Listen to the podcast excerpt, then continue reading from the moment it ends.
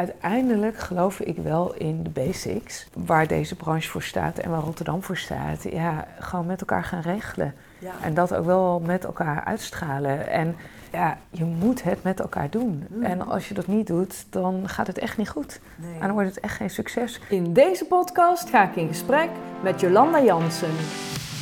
Welkom en goed dat je luistert naar deze podcast volop inspiratie over ondernemen in horeca, leisure en hospitality. Mijn naam is Miriam Ermes. Ik ga in gesprek met ondernemers en managers uit de allerleukste branche over blunders en succesgeheimen. Met waardevolle praktische tips hoe jij de verwachtingen van jouw gasten kunt overtreffen. Dit is jouw inspiratiepodcast. Dit is van blunders tot succesgeheimen. Welkom Jolanda en dankjewel dat je te gast wil zijn in mijn podcast van blunders tot succesgeheimen. En zou je allereerst even kort willen introduceren? Dus wie ben je en wat doe je? Jazeker. Nou, allereerst ook leuk eh, om hier te zijn. Een eh, mooie titel van, eh, van je podcast. Daar komen we zo vast verder over te spreken. Mijn naam is Jolande Jansen. Ik ben in het dagelijks leven directeur van, van Rotterdam Ahoy. Ik werk hier, zeg ik even, we zitten nu ook in Ahoy. Ik werk hier al heel lang, sinds 2004. Nou, ik heb eh, achtergrond eh, bedrijfskunde, meer land- en tuinbouw. Daarna, ik heb eh, een tijdje bij de RAI gewerkt in Amsterdam, de landbouwRAI georganiseerd. En in 2004 dus hier gekomen. Nou, ik kan zo misschien wel iets over vertellen. Maar eh, ja, dat. Ik woon in Rotterdam samen met mijn man Wouter.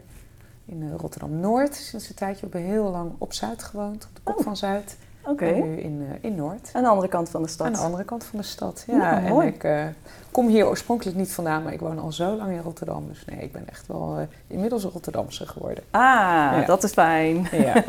En wat je zei, je hebt gestudeerd aan de Erasmus Universiteit en landbouw gestudeerd. Nou, bedrijfskunde, Ja. maar er was een keuzevak toen en dat heette agrarische economie. Ah. En nou, ik kom uit het oosten van het land. Eh, Ik was door eigenlijk mijn achtergrond, familie, eh, geïnteresseerd altijd in die... eh, ben geïnteresseerd in die sector. En nou, dus dat heb ik, ben ik als keuzevak gaan doen. Toen ook afgestudeerd. Kees Veerman, die later minister van Landbouw werd, gaf dat vak. Oké.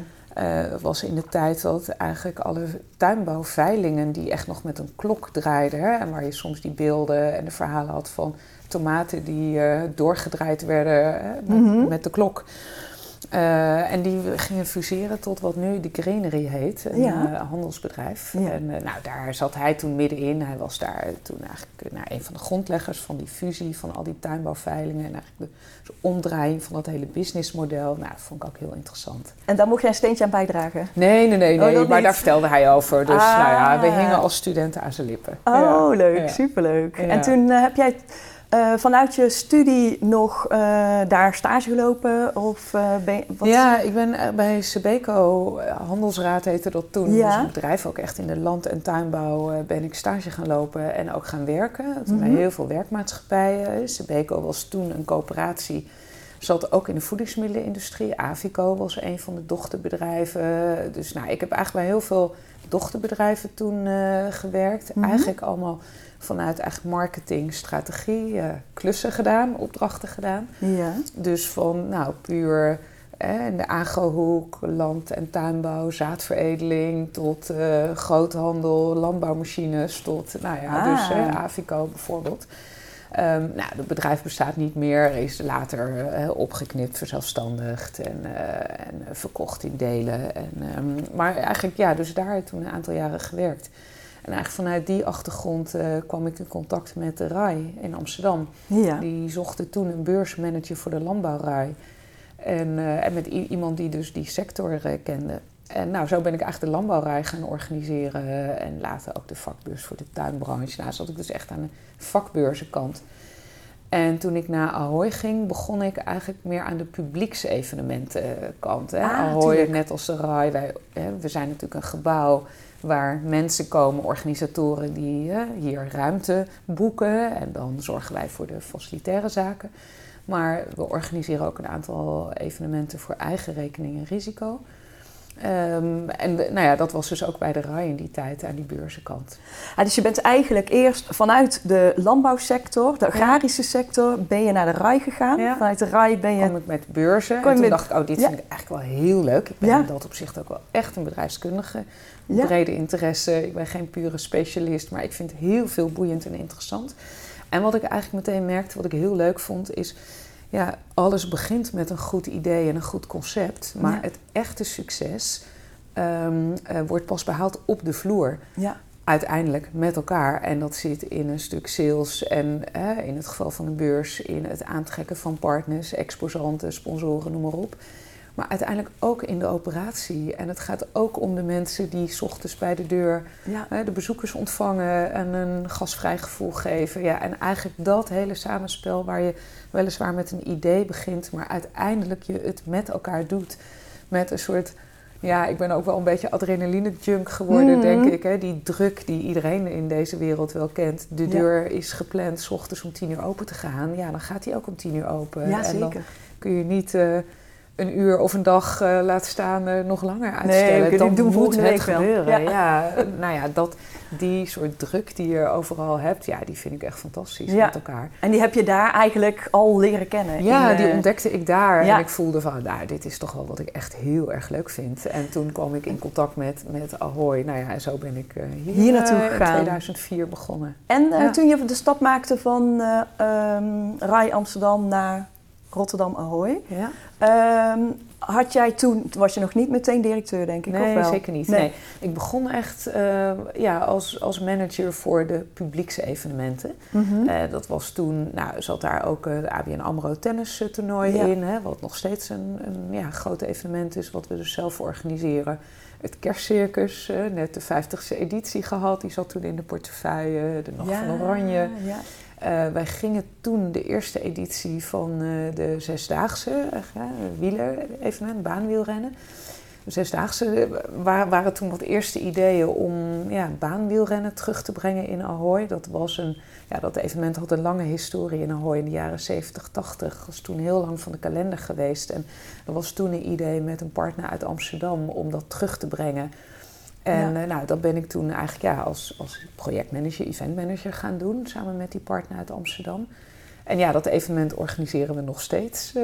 en, nou ja, en daar kwamen later heel veel nieuwe titels bij en andere titels. En nou ja, we zijn eh, met iemand die ook in jouw podcast heeft gezeten, Robert Meelaert, Ja. zijn wij, nou ik denk nu een jaar of zeven, acht geleden. Eh, we kennen Robert al heel lang uit het vak, uit het beurzenvak. Maar ja, toen ontstond daar het idee met Roberts kennis om eh, wat nu dan Gasvrij Rotterdam is eh, te Ja. gaan organiseren. Wat we echt in die samenwerking met Robert zijn gaan doen. Ja.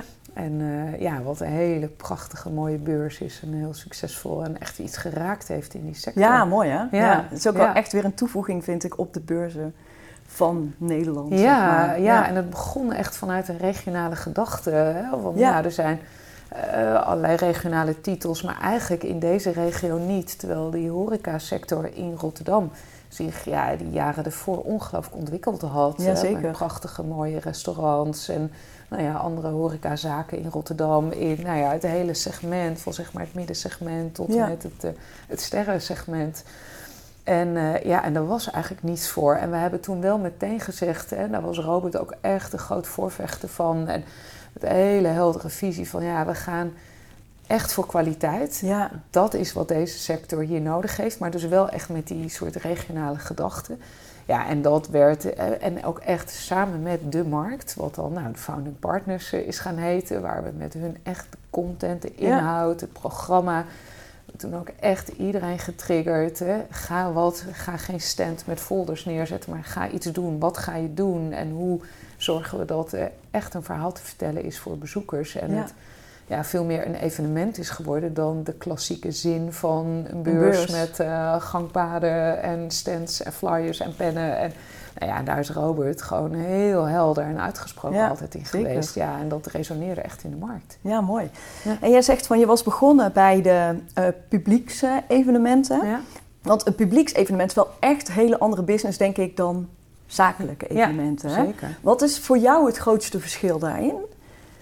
Nou, wat, kijk, wat je merkt bij uh, beurzen, bij zakelijke evenementen, of dat nou een congres of een beurs is, ja, gaat het er heel erg om dat je echt weet en begrijpt wat er speelt in de markt.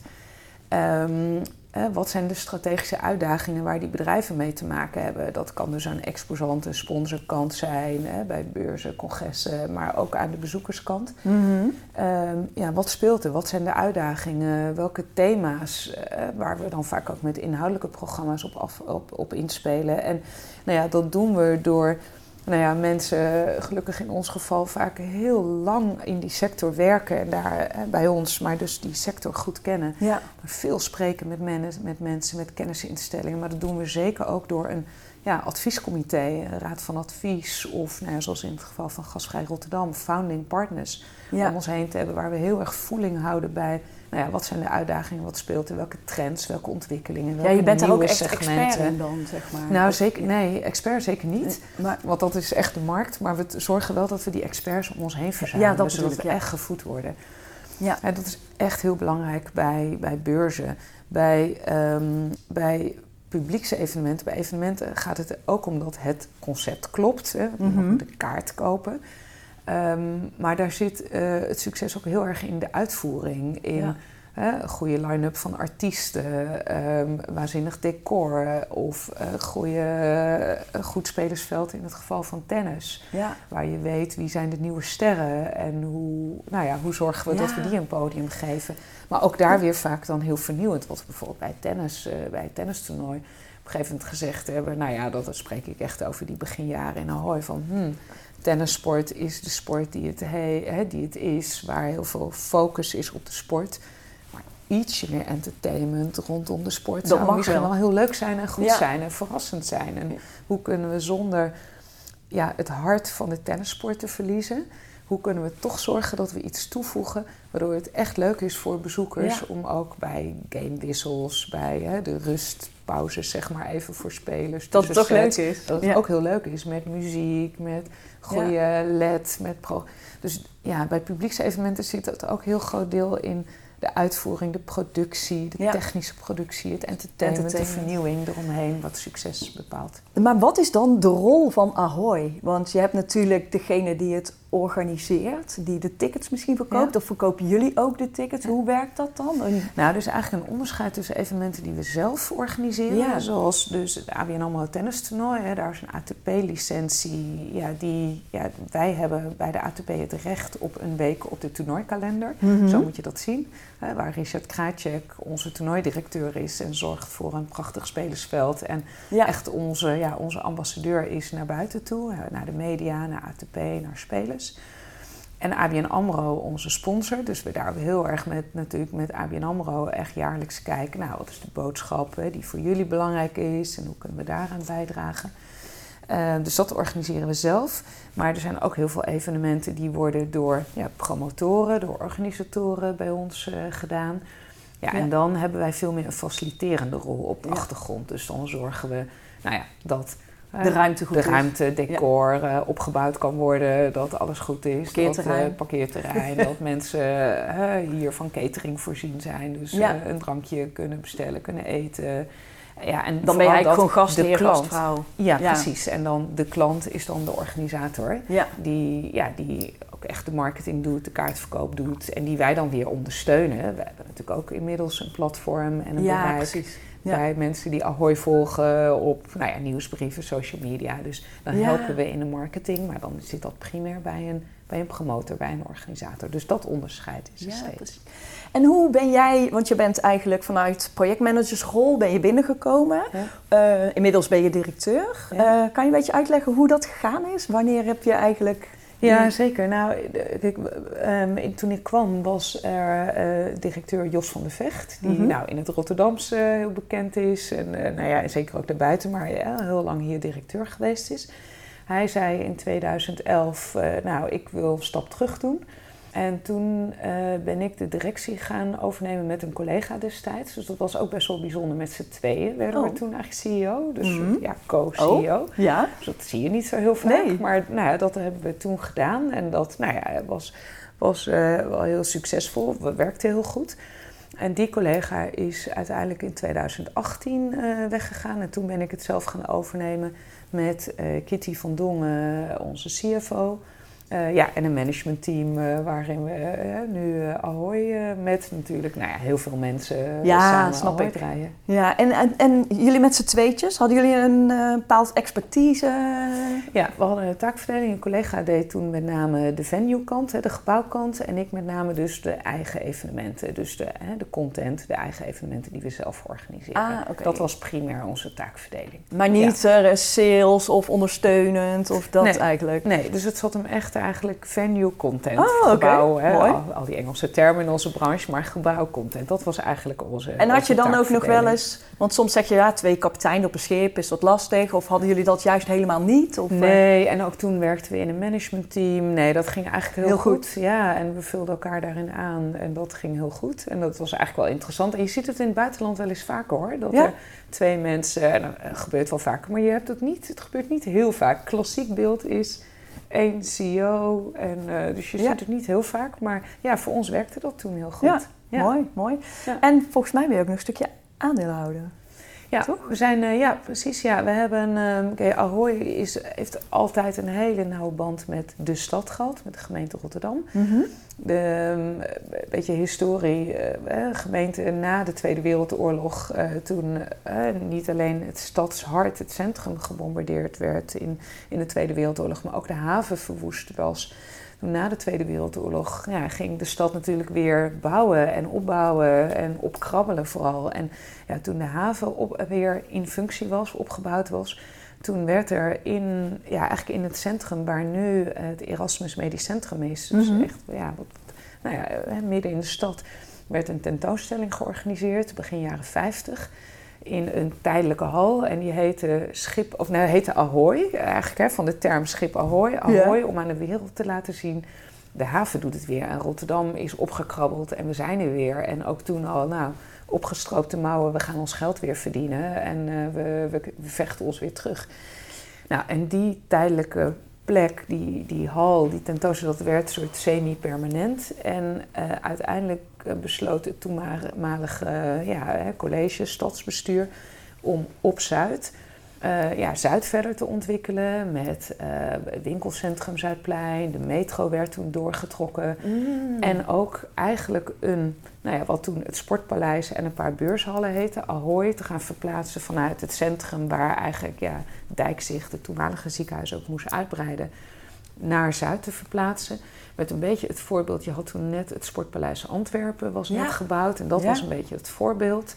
Want hè, dan bouwen we een vaste wielenbaan. Ik had het net Ja. over eh, de baanwielrennen. Een vaste wielenbaan.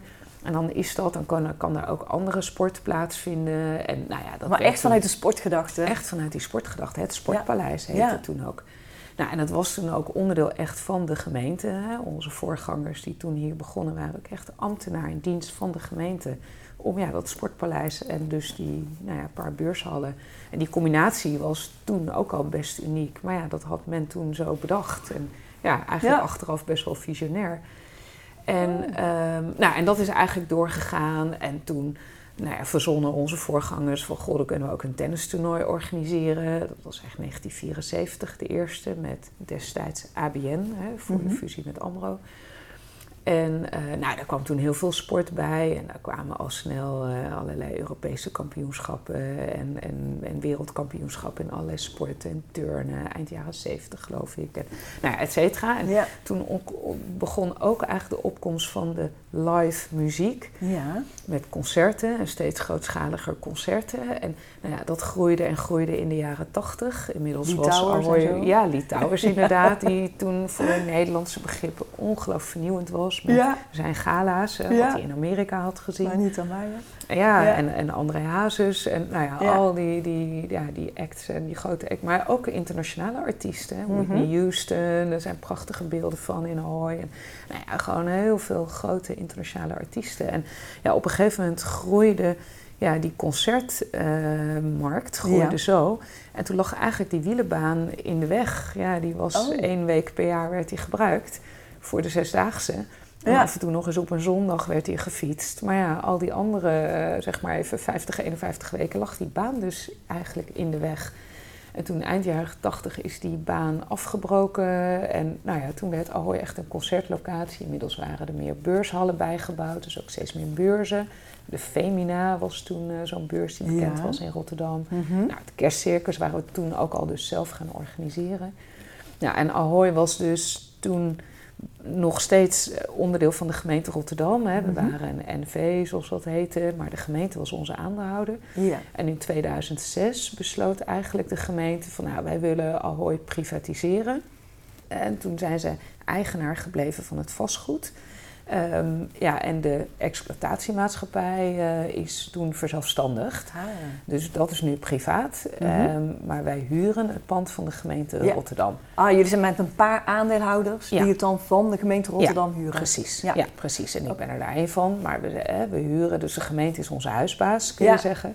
Maar de gemeente is veel meer dan huisbaas. Want wij hebben altijd al gevoeld en geweten vanaf dat begin... Ja, wij helpen ook de stad in Ja. nou ja, een podium bieden voor nou ja, prachtige evenementen. Ja. Dat helpt mee aan nou ja, de vermarkting, eh, om het maar even zo commercieel te noemen, van de stad. Van de stad. Maar er zijn ook, het is ook een plek waar mensen werk kunnen vinden en waar mensen hier eh, Nou ja, een leuke dag hebben. Ja, je bent belangrijk En, voor de stad. ja, Ja. en heel veel mensen hebben, dat is toch wel echt leuk nog steeds. Eh, ik, ik sprak laatst de wethouder sport in Rotterdam en die zei: Ja, mijn eer, ik weet nog heel goed, mijn eerste keer in Ahoy was het kerstcircus. Of was eh, jeugdland, jeugdvakantieland. En zo zijn er zoveel mensen die bij ons een werken. geschiedenis. Een eerste keer, of Ja. het eerste concert, je eerste keer in Ahoy. ja. Of het eerste grote concert. Of het eerste... Nou, en het is wel, en dat voelen wij allemaal in Ahoy.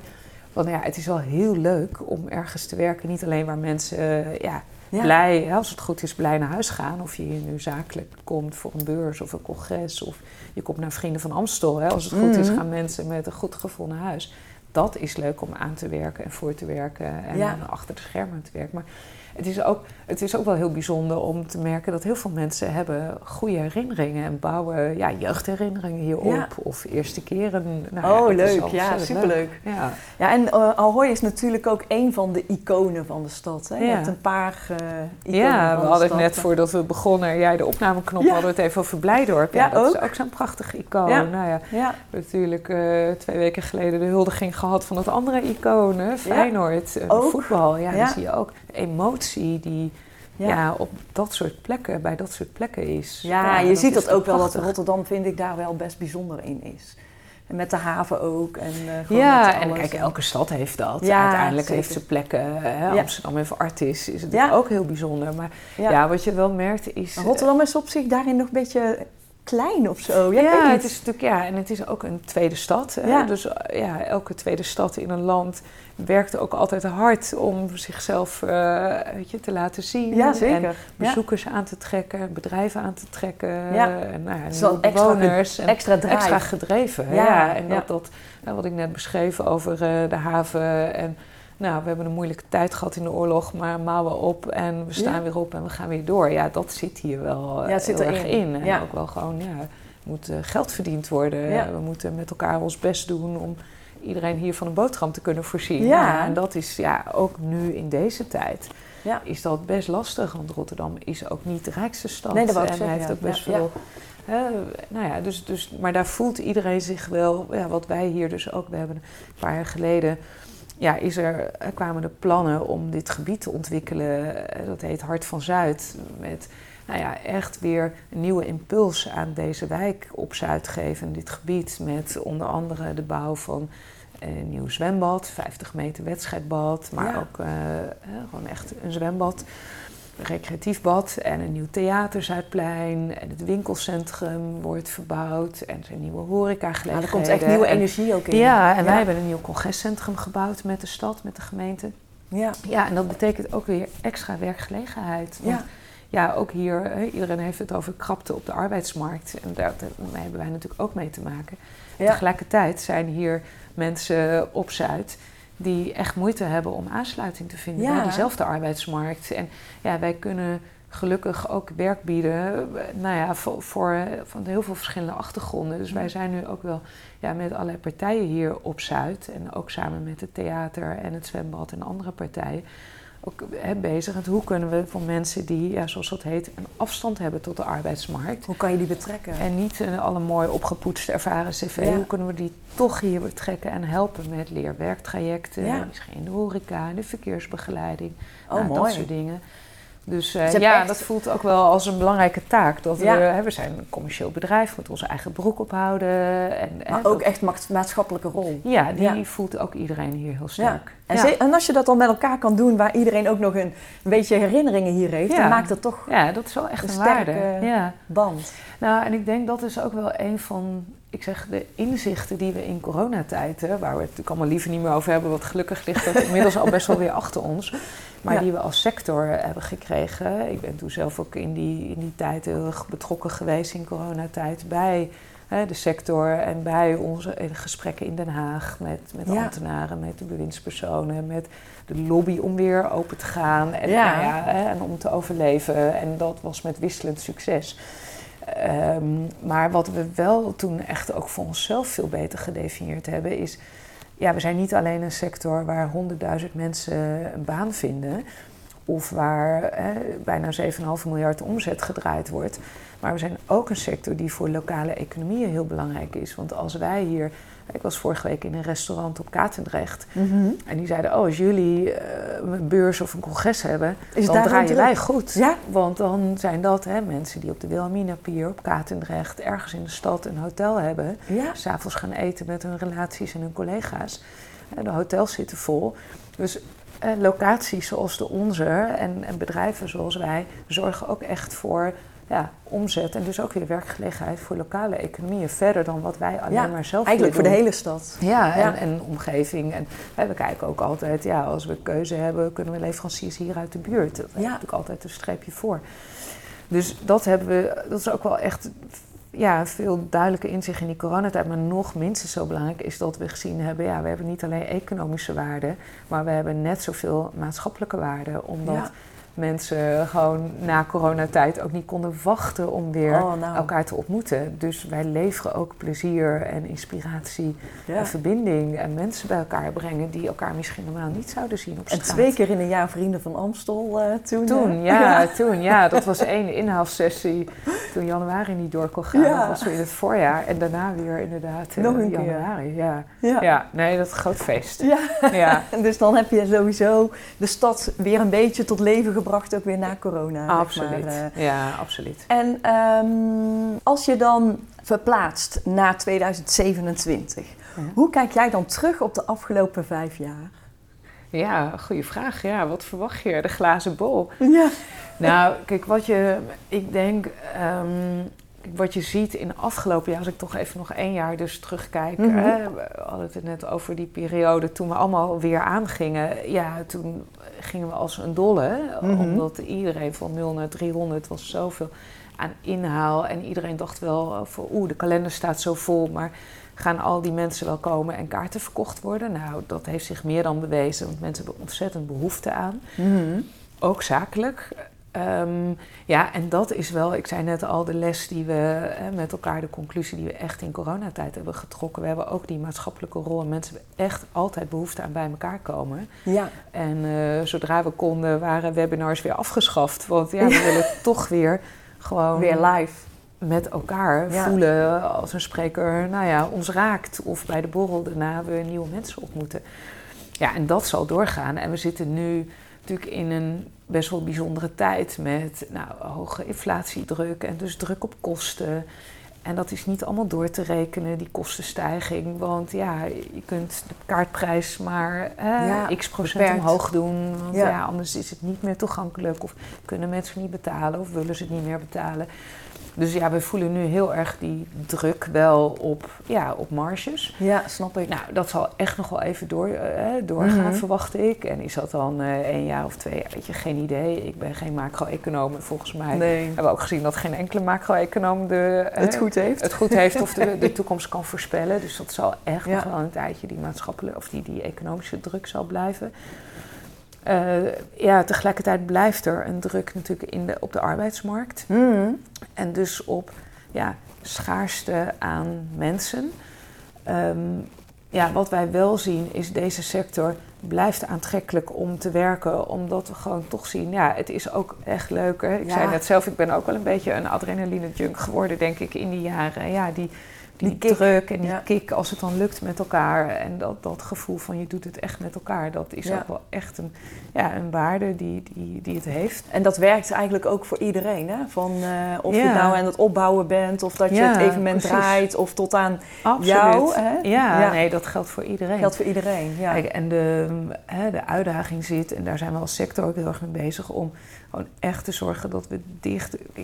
In de ideale wereld heb je natuurlijk altijd ervaren mensen die ergens ervaringen op opgedaan en dan bij je komen werken. Ja, Ja. Die, dat, dat is niet meer zo. Dus Nee. het is belangrijk om dichter samen met scholen en opleidingen te kijken wat hebben we nodig en hoe kunnen we zorgen dat mensen via stageplekken, leerwerktrajecten Ja. ervaring opdoen. En dat kost dus meer tijd in begeleiding en training en scholing. En ja, daar moeten wij gewoon, denk ik, als sector en als werkgever nog veel harder ons best voor doen. Ja.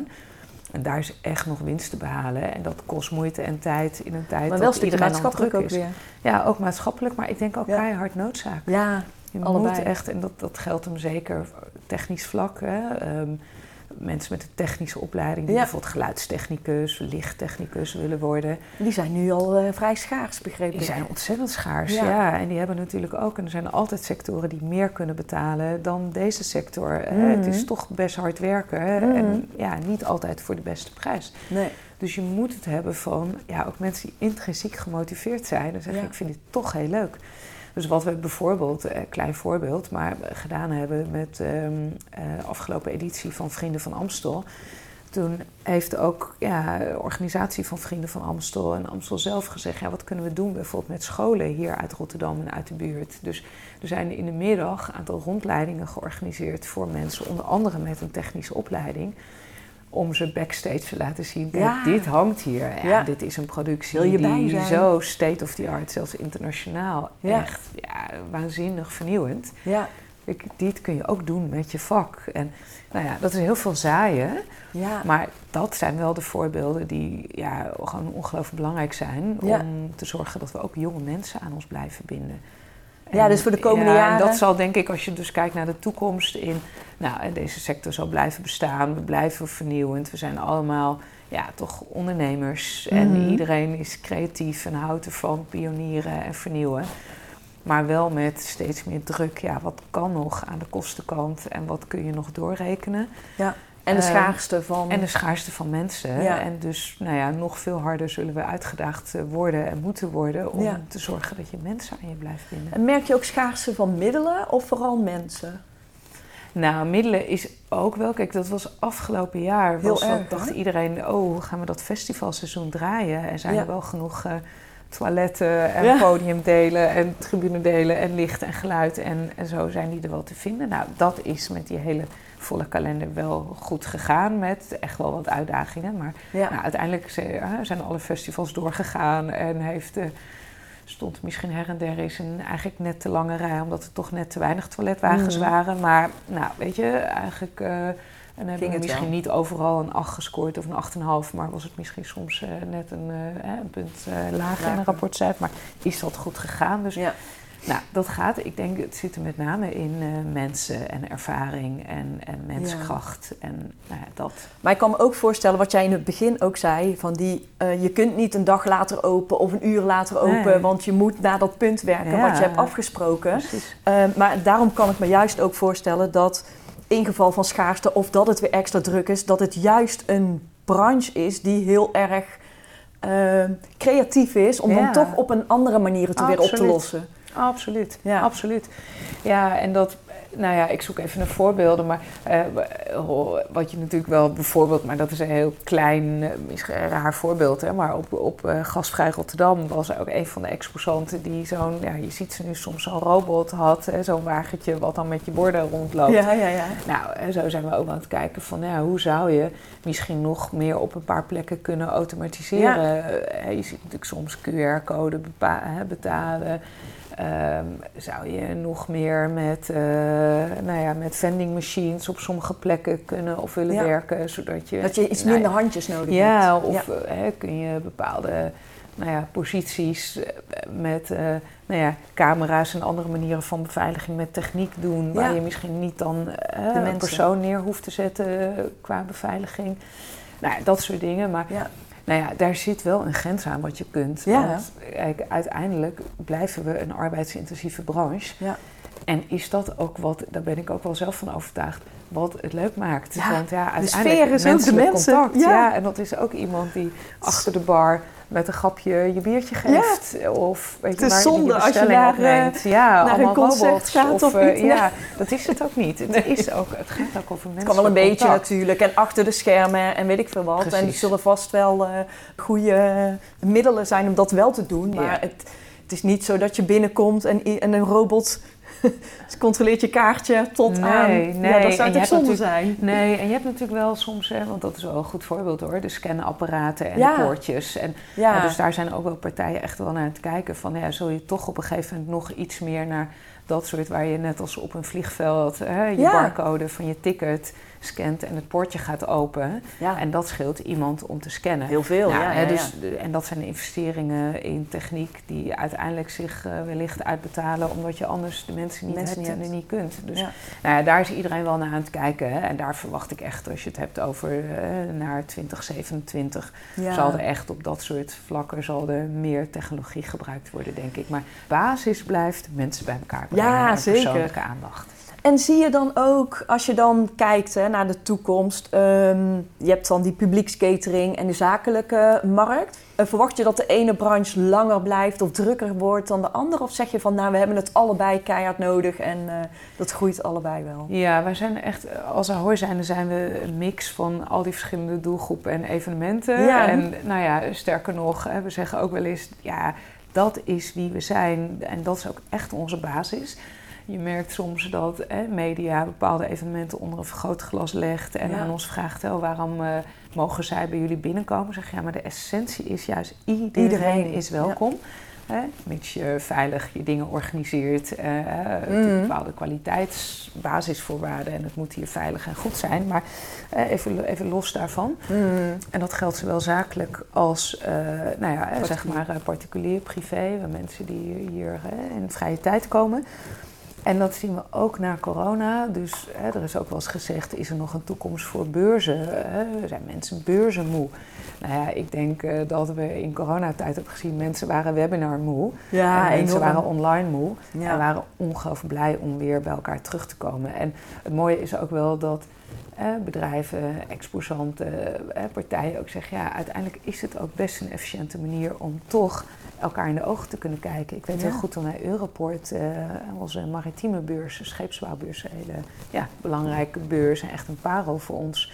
Met ook een hele lange historie. Eh, Mhm. in, in coronatijd konden we net in dat najaar 21, eh, nou, mochten we net die beurs organiseren. En ja, heel veel partijen die hè, in Europa op allerlei maritieme beurzen die, die zeiden nou, dit hè, scheeps, ja, partijen in die scheepsbouwhoek. Ja, ja, dit is de eerste keer weer in die twee jaar dat we weer klanten live zien. En dat is zo Oh. waardevol. Ja, Dus ja, ik geloof gewoon dat dat blijft bestaan. En dat zie je bij congressen. Nou ja, dat zie je op alle fronten. We zijn nu met Rotterdam Partners, met de stad. halen we de komende jaren heel veel mooie congressen naar ons toe. Eh, nou. World Energy Congress, hè, energie. Is natuurlijk een belangrijk thema. We hadden twee weken geleden World Hydrogen, een heel mooi congres over waterstof. Natuurlijk Een heel actueel thema ja. was verdubbeld ten opzichte van vorig jaar, de eerste keer. We willen volgend jaar weer eh, flink groeien. Dus Zo. echt de komende jaren bij ons blijven. Nou ja, daar zie je aan in dat soort thema's, maar ook medische congressen. Ja, die blijft het voor belangrijk om bij elkaar te komen. En op, op hè, jouw vraag, cateringvlak, ja, dat zijn hele specifieke behoeftes. Hè. Daar gaat het over goede lunches en diners uitserveren op hè, het juiste Ja. tijdstip. Ehm, hè, waar je vaak proefsessies vooraf hebt. Welke, hè, wat wil de klant precies in menukeuze en, en, en in stijl of in, nou ja, in Ja. Hè, uitstraling. Dus daar gaat het heel erg om. Ja, heel minutieus met de klant, de organisator van zo'n congres, voorbereiden. Ja. wat willen ze precies? en daarop, uh... Vegetarisch is natuurlijk een trend. moet het helemaal zelf zijn of een deel? Of, nou, en wat, wat dan precies? En de uitstraling, de kwaliteit en tijdstippen. En nou ja, dat luistert ongelooflijk nauw. Nou. En in de publiekskatering ja, als je bij een concert bent, wil je gewoon vooral heel snel je biertje ja, of, uh, of, mag geen tijd kosten. Of, je cola kunnen krijgen. Ja. En dat moet, daar gaat het om snelheid. Ja. Um, en als mensen vooraf even een hapje of een drankje komen eten of drinken, ja, dan moet je ook klaar zijn natuurlijk voordat de show begint. En ja. dat, daar is snelheid ook weer een hele heel belangrijke. Belangrijk. Ja. Dus nou ja, dat luistert allebei nou. En, uh, ja, ja, dan heb je natuurlijk ook, heel veel verschil in wie dat er binnen zit. Want degene die vooraan staat, die zal niks meer drinken, want die staat alleen maar zo. Ja, en achteraan die staan. Wel, ja. ja, precies. Ja, dat klopt. Ja. en achteraan staan ze gewoon bij de bar. Uh. Ja, precies. Ja, precies. Ja, ja leuk. En waar ben je het meest trots op?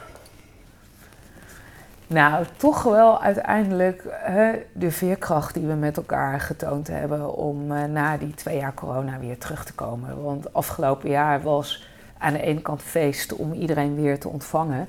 Maar het was achter de schermen echt zo hard bikkelen. Omdat we zoveel kennis en mensen verloren hadden. We hadden een nieuw gebouw, we hadden heel veel nieuwe mensen die in een extreme sneltreinvaart ook op stoom moesten komen. En dus nou, het was zo intensief voor iedereen. Hmm. En dat heeft zoveel gevraagd. Ja. En dat was niet alleen bij ons, maar dat gold ook voor andere organisatoren en locaties en de, de hele sector.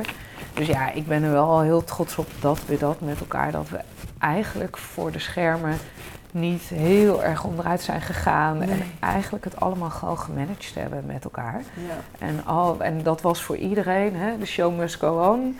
De bezoeker, de klant. En nou ja, het moet lukken en het moet gaan. En iedereen moet weer goed naar huis kunnen gaan. Nou, en dat was, ik zei net, het was niet altijd met het rapportcijfer wat je misschien wenste. Maar ja, we zijn nooit ergens helemaal nat gegaan. Ja, en daar ben ik was wel ook begrip, denk ik, in het begin. Zeker, ja, zeker. Nee, en uh, super fijn en heel belangrijk. En, en klanten gunden het ons ook allemaal weer dat het weer kon en dat er weer was. En dat er dan misschien soms net een lange rij of dat we een bar moesten sluiten omdat we echt geen personeel hadden. En dat we ook uh, mensen die normaal op kantoor in de ondersteuning zitten, af en toe ook mee moesten helpen in de bediening. Omdat we gewoon echt geen mensen hadden. En iedereen die dat deed en het soms ook best wel leuk was om dus met je collega's van nou ja, de afdeling finance of uh, eh, HR mee te helpen in de bar. Ja. Maar ja, uiteindelijk, ja, de volgende dag ging ook dat andere werk gewoon weer door. Dus ja, dat was wel echt bikkelen. Ja. En, ik merk eigenlijk pas nu, hè, we zijn een jaar verder, nu zit de flow er weer in. En langzamerhand, we hebben alles een keer gedraaid. Weer, team we hebben meegemaakt, steady team. Ja.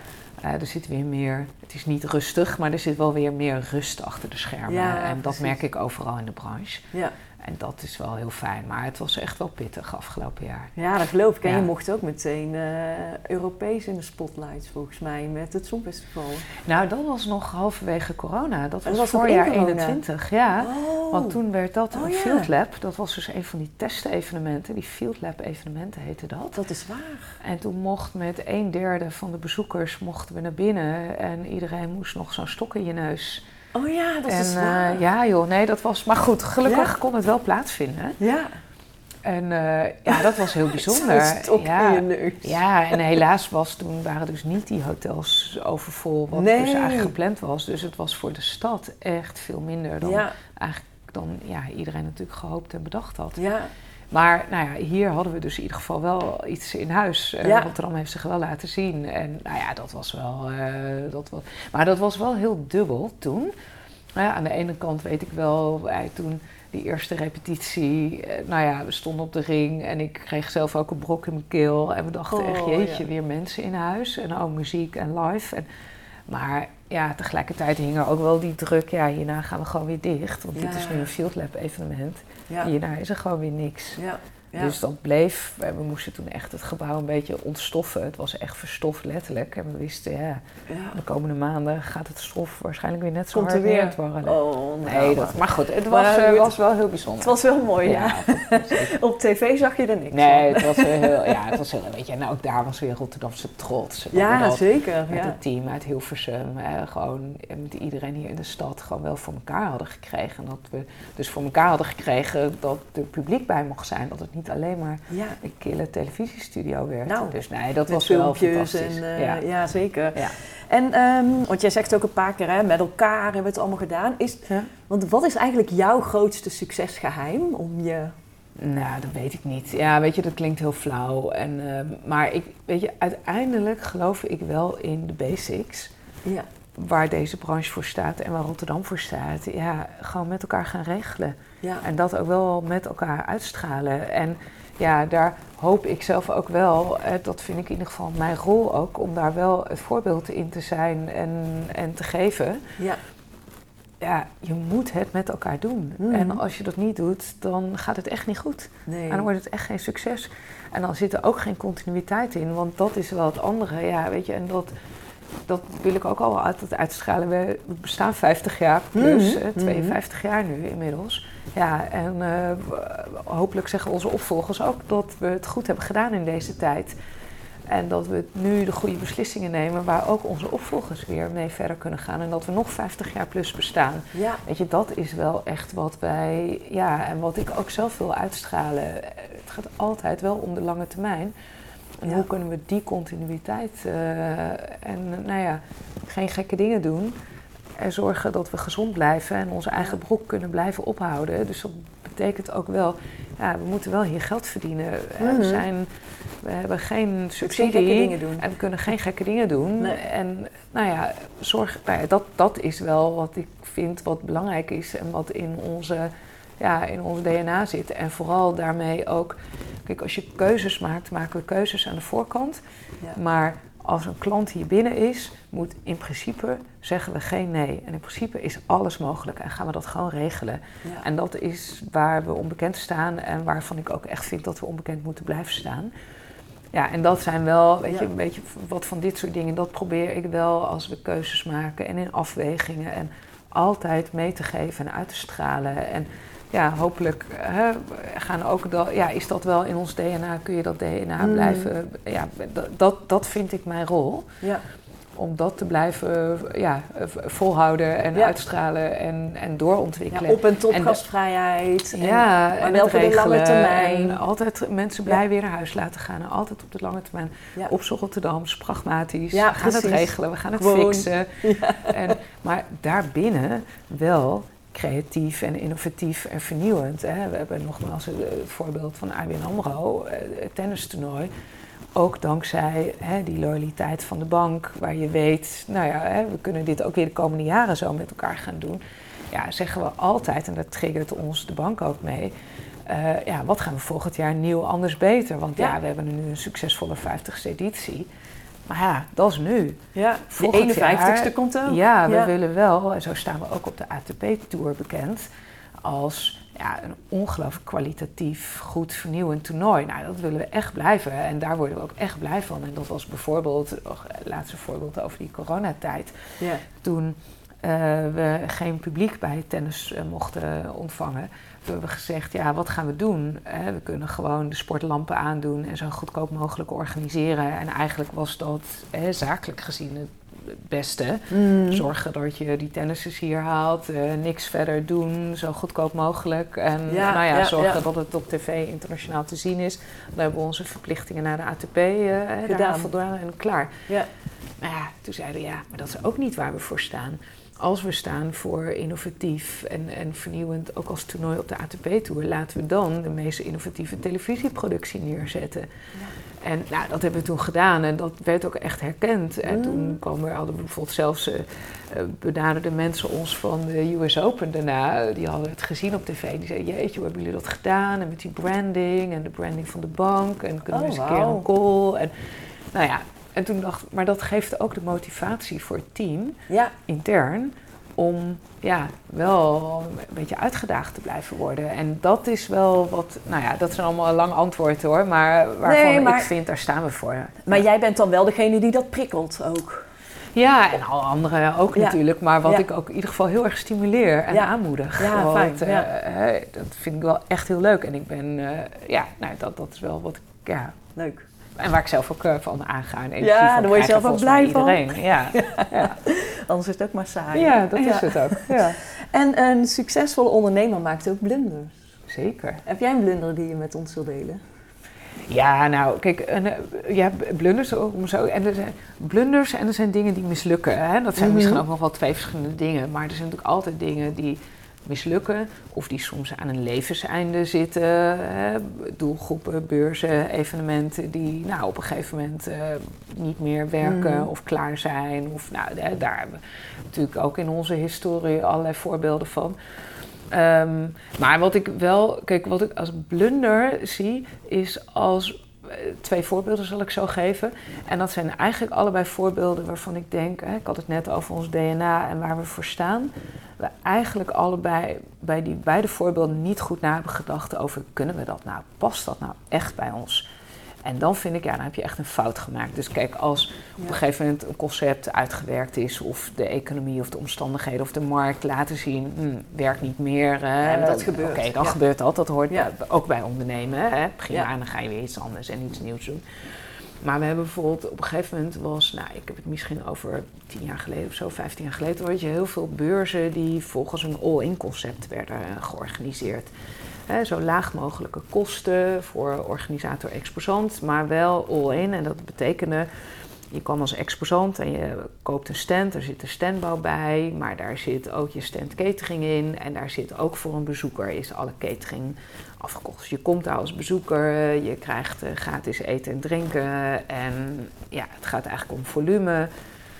Zoveel mogelijk rammen, gaan, hup. Nou, dat was toen, hè, dat zag je toen best wel veel. En toen dachten we ook, hè, dat was ook in die tijd dat mensen zeiden, ja, zijn mensen soms beurzenmoe.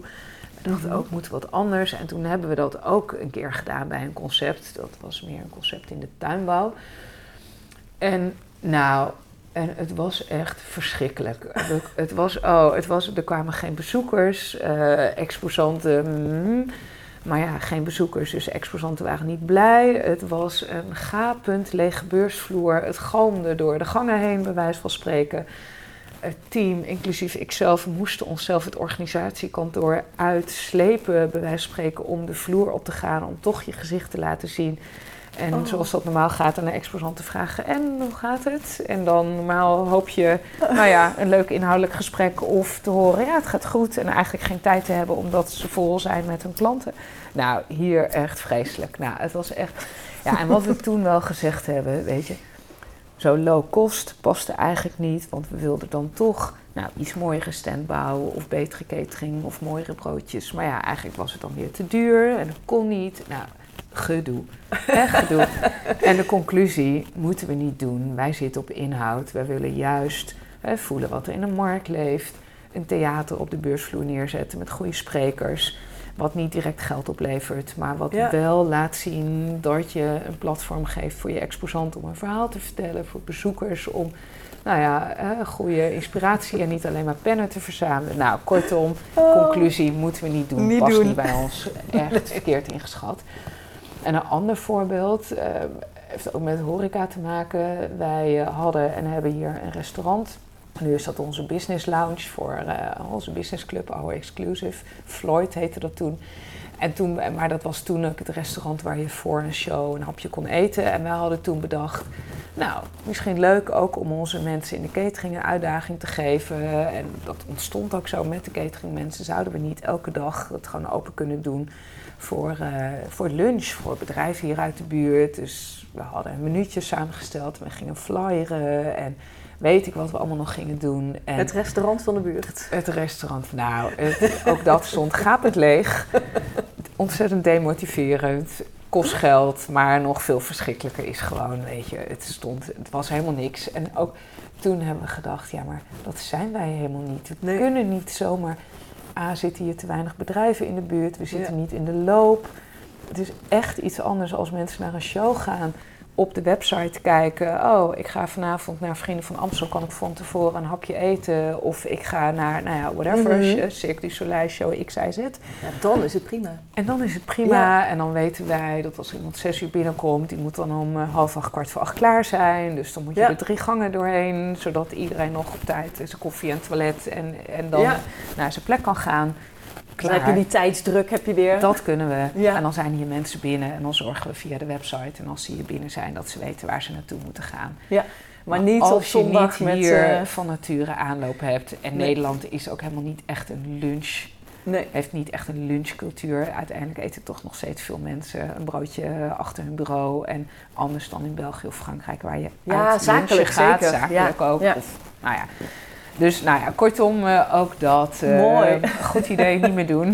en een goed idee voor een ander, niet voor Ja, ons. precies. Nee, Iets te ver van jezelf. Ja, Ja. nou precies. En dat is denk ik de kern. Ja, Waar sta je voor? ja, En blijf goed bij je eigen waarden en je eigen DNA. En past dat en kunnen we dat?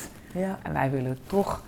En daarin vernieuwen. En daarin vernieuwen. Ja, En daarin jezelf uitdagen en triggeren en zorgen dat je de continuïteit hebt. Maar daarmee dus wel elk jaar iets nieuws, beters, anders doet. ja. Nou ja, dat is echt wel waar we... Dat zijn we toen wel veel en dat ben ik toen ook voor mezelf veel scherper gaan definiëren. En dan wil ik als je dus ook...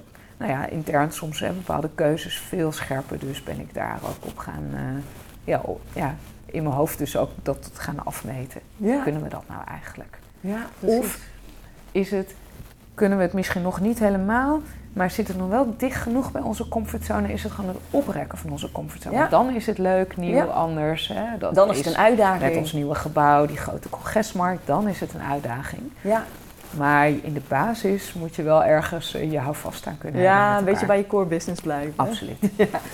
En wie is jouw grote voorbeeld?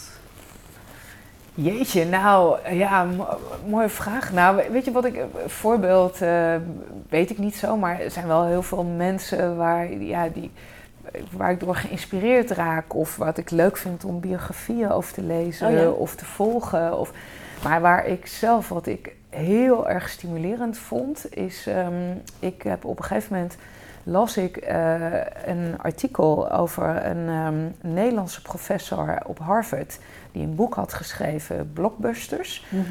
En ehm, er was een interview met haar, Anita Elbersen, een Nederlandse vrouw, eh, die al jarenlang op Harvard doseert op het gebied van sport, media en entertainment. Oh, Nou, en iedereen die mij een beetje kent, weet dat ik nog steeds dat boek aanraad en aanbeveel. En nou, dat zal ik nu ook de luisteraars van de podcast doen als je Oh. enige interesse hebt. En dat gaat er eigenlijk over hè, nou, dat het een beetje een blockbusterwereld is. En wat maakt nou iets succesvol in sport of media of entertainment. En ik las dat artikel, met interview met haar, het artikel over dat boek. En ik dacht zo, dat is waanzinnig.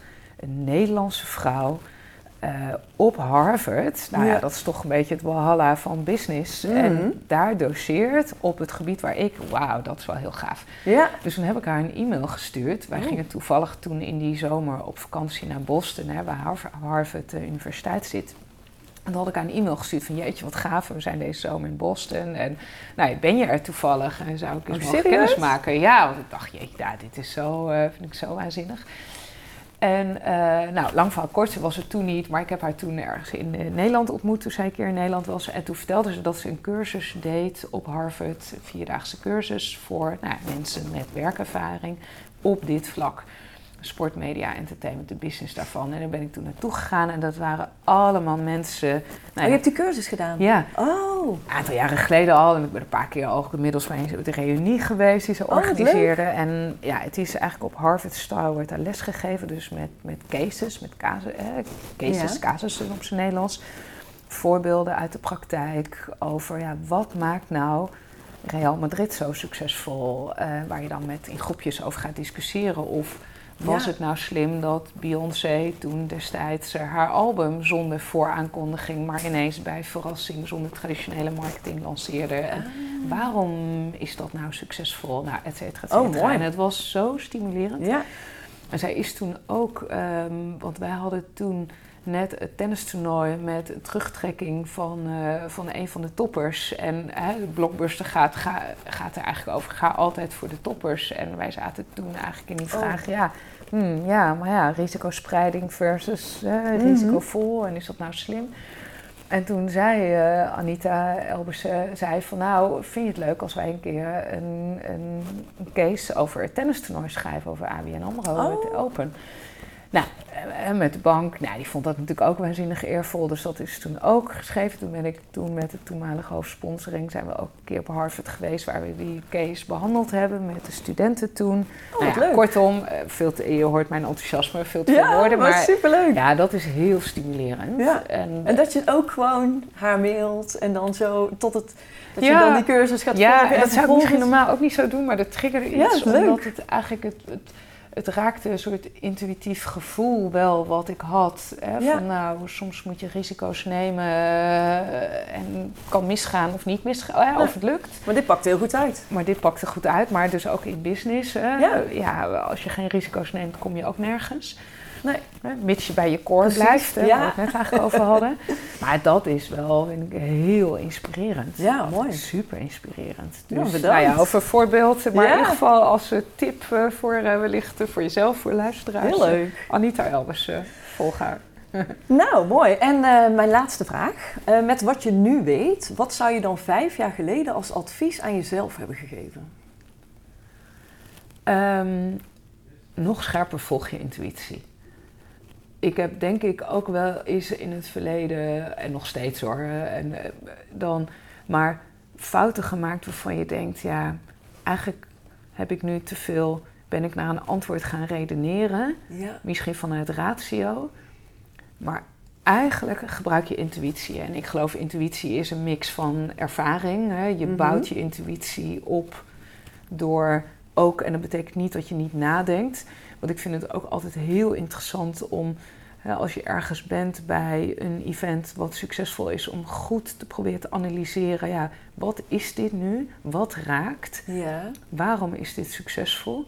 Wat raakt hier mensen? Wat is de toonzetting in communicatie? En nou ja, er komen natuurlijk ook wel organisatoren bij ons met ideeën. En dan probeer je heel goed na te denken in...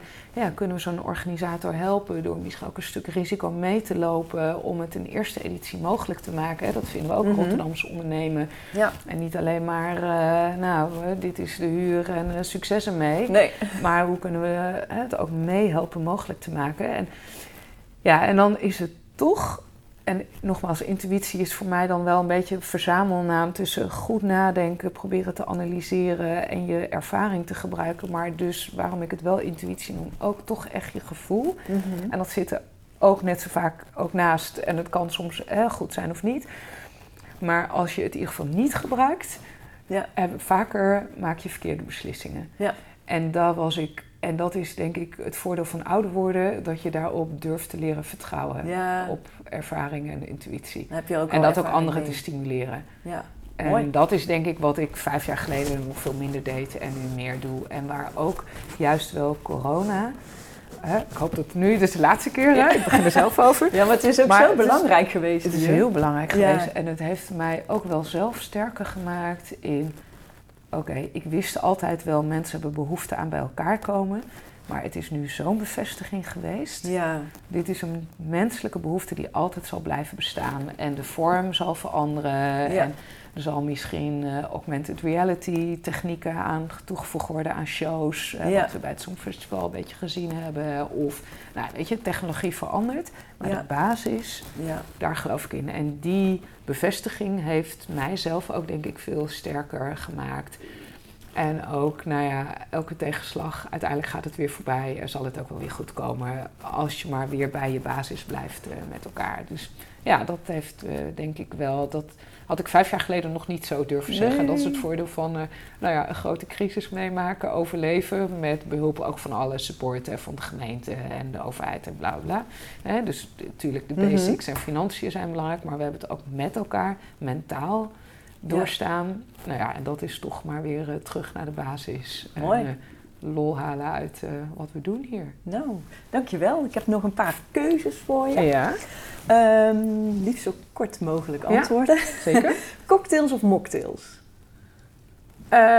Steeds meer mocktails. Ja. Internationaal of lokaal? Oh jeetje. Ja, het is echt een combinatie. Maar ik moet kiezen. Ja, het is echt een combinatie. En het is echt een bezoeker om de hoek.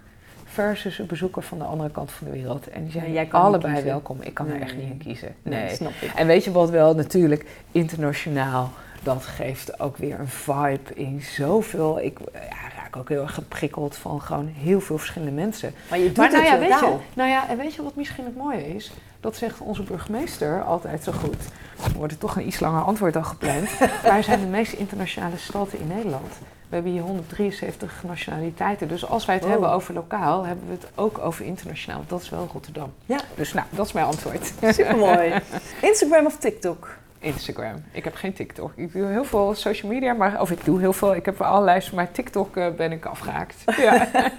Ehm, robotisering, is het een kans of een bedreiging? Of eigenlijk techniek? Wat dan ook. nou, ik geloof uiteindelijk is techniek altijd waardevrij en het gaat om de toepassing van de techniek. Hm.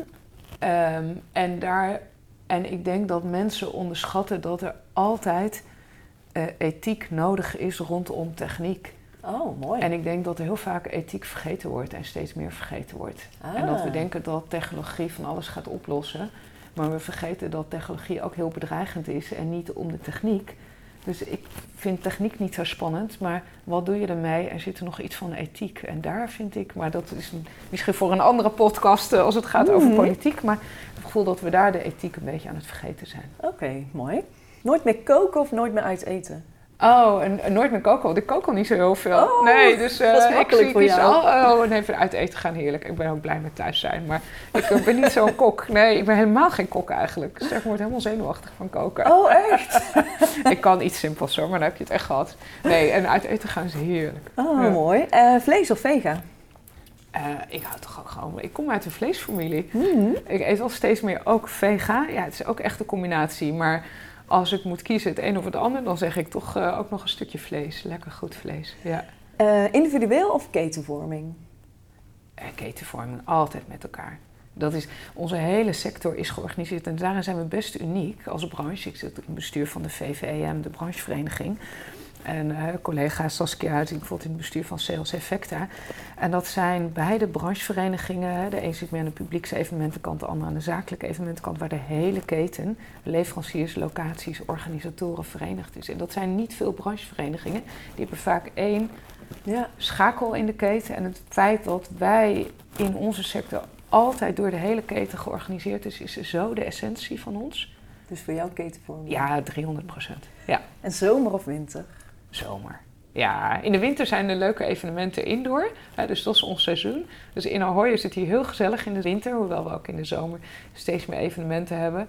Maar eh, nu met eh, hè, eindelijk de temperaturen die omhoog gaat en de zon lekker buiten zijn, is wel heel fijn. Ja. Dankjewel, Jolanda. Graag gedaan. Voor jouw openheid. Ja. Mooi gesprek. Graag gedaan. Leuk. Bedankt voor het luisteren naar deze podcast. Ben je geïnspireerd en vind je het een waardevolle podcast? Deel deze dan op je social media kanalen en vergeet mij niet te taggen. Ben je ook zo nieuwsgierig naar de volgende aflevering en wil je niets missen? Abonneer je dan op deze podcast. Wil je meer informatie over horeca, leisure en hospitality? Ga naar mirianermes.nl en volg me op LinkedIn, Instagram en Clubhouse.